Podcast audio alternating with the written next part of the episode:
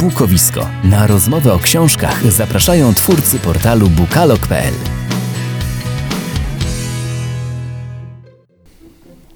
Dzień dobry albo też dobry wieczór. Witamy Was w kolejnym odcinku podcastu Bukowisko. To już 75. spotkanie z nami. Z nami, czyli Jerzy Bander i Maciej Januchowski. Bardzo serdecznie Was witamy i mamy nadzieję, że dzisiejsze informacje, które Wam przekażemy, będą bardzo pomocne, bo jest ich całkiem sporo. Oczywiście podzielimy się też z Wami ciekawymi zapowiedziami wydawniczymi na luty, które znaleźliśmy i recenzjami. Dzisiaj jakoś tak nam się zgrało, że będziemy mówić o różnych sprawach społecznych. Także jeśli jesteście zaangażowani społecznie albo interesujecie się polityką i tym, co się w Polsce dzieje, to ten odcinek pewnie będzie dla Was. Zanim jednak przejdziemy do recenzji i zapowiedzi, czas na wiadomości.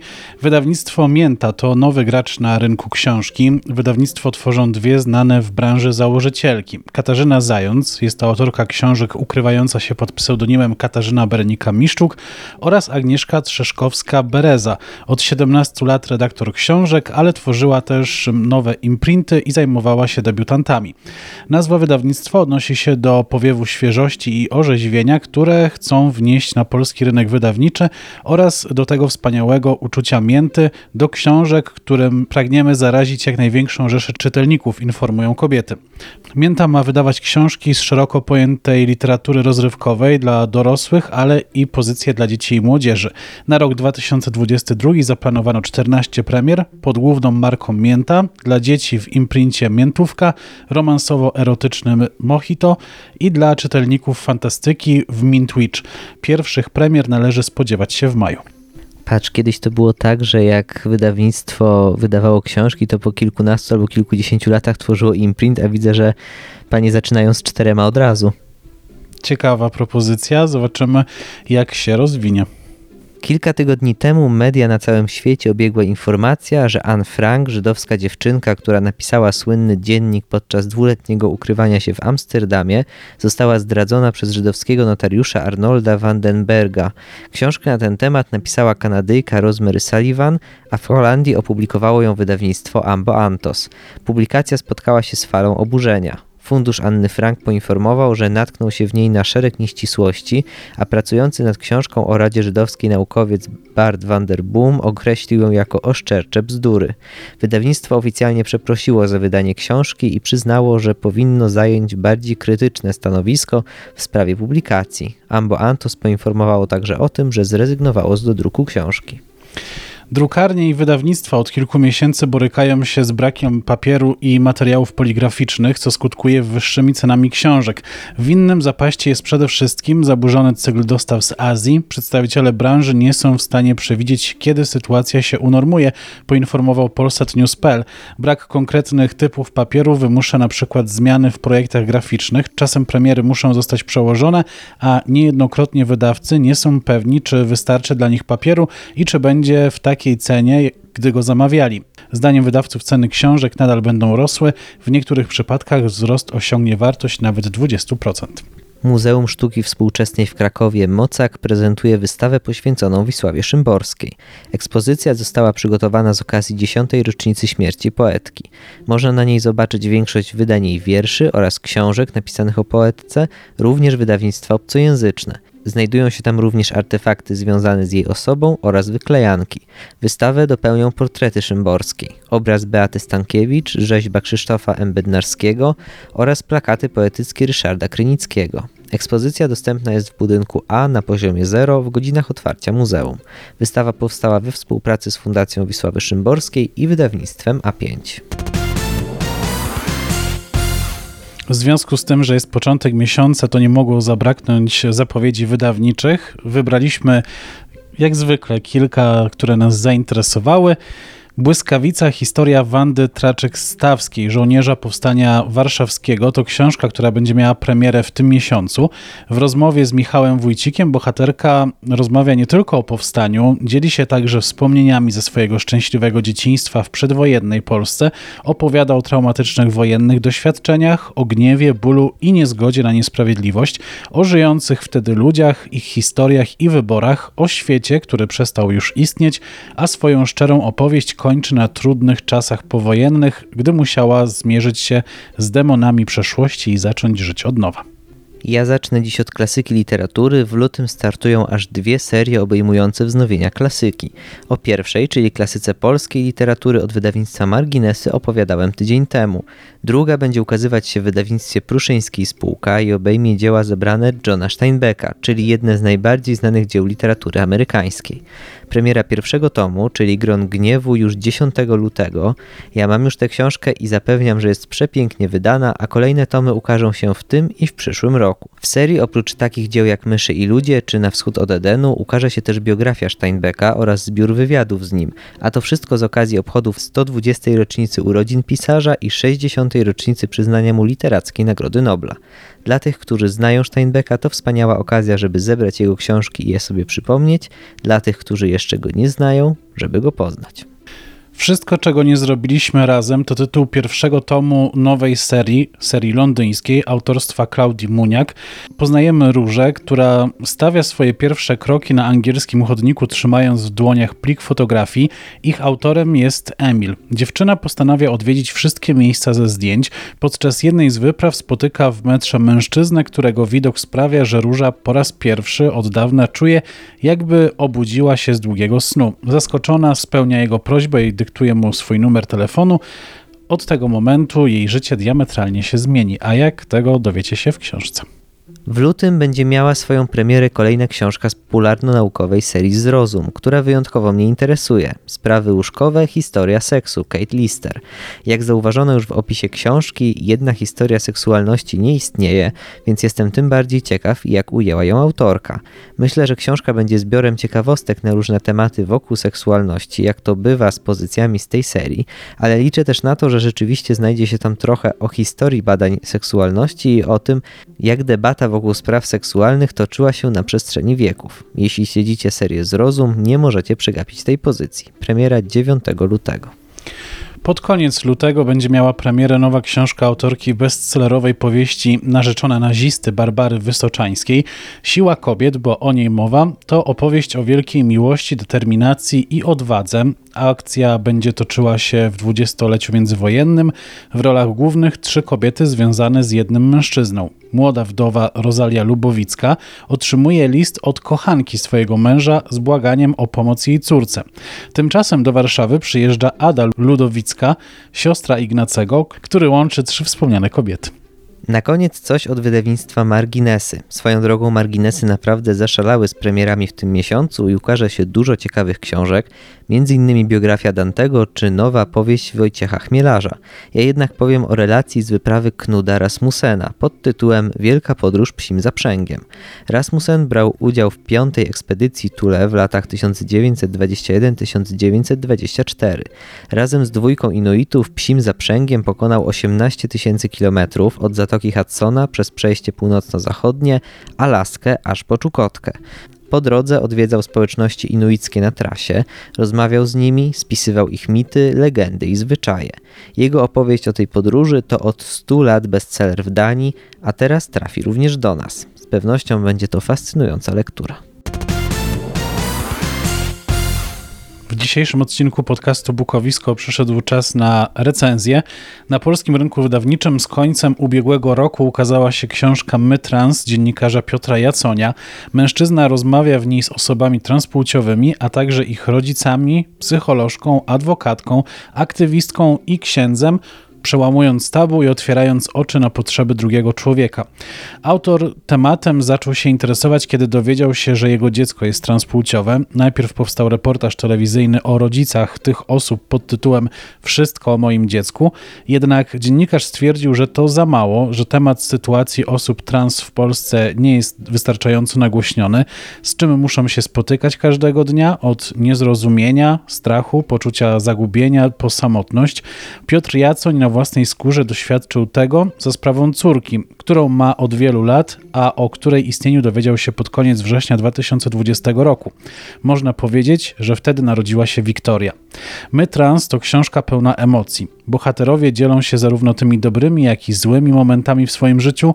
Wielu z nich, szczególnie rodzice, niejednokrotnie wskazują, że słowa polityków czy przedstawicieli Kościoła katolickiego w Polsce o osobach LGBT są przyczyną ich strachu o własne dzieci.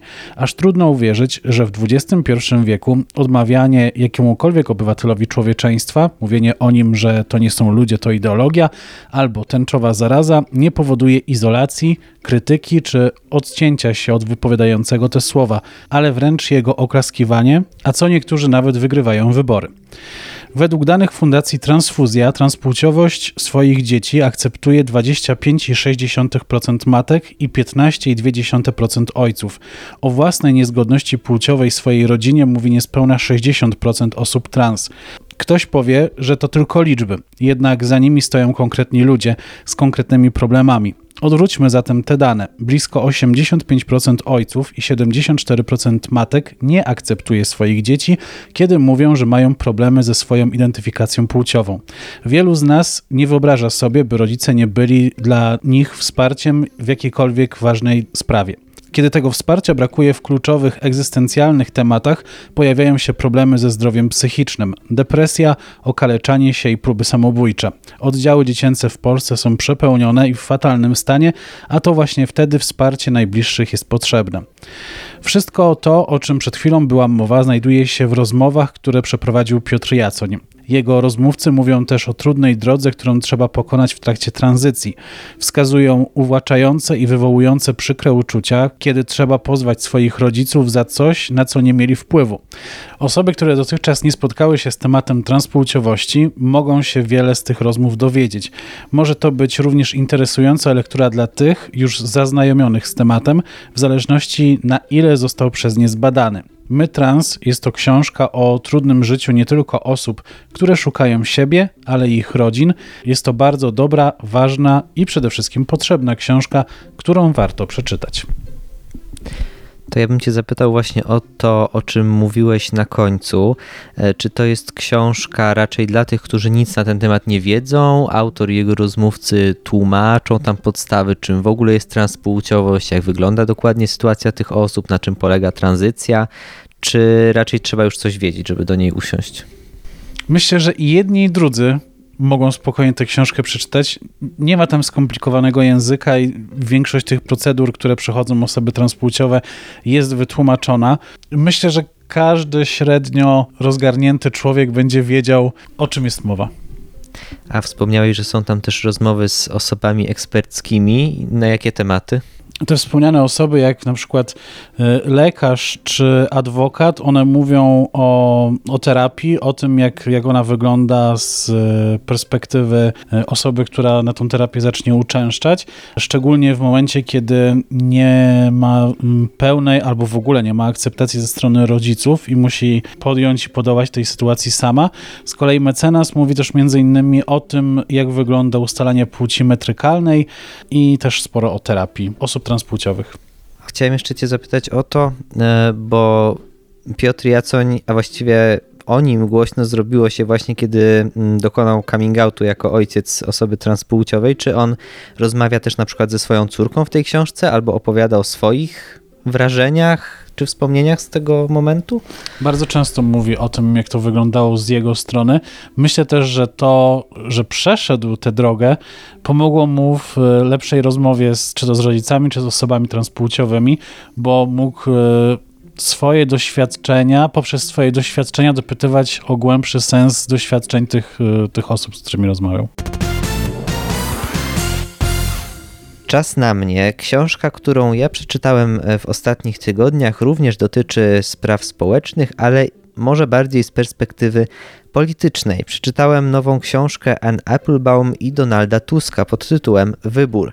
Wcześniej wydawali książki osobno, teraz połączyli siły, a wybór to zapis 12 rozmów, które odbyli.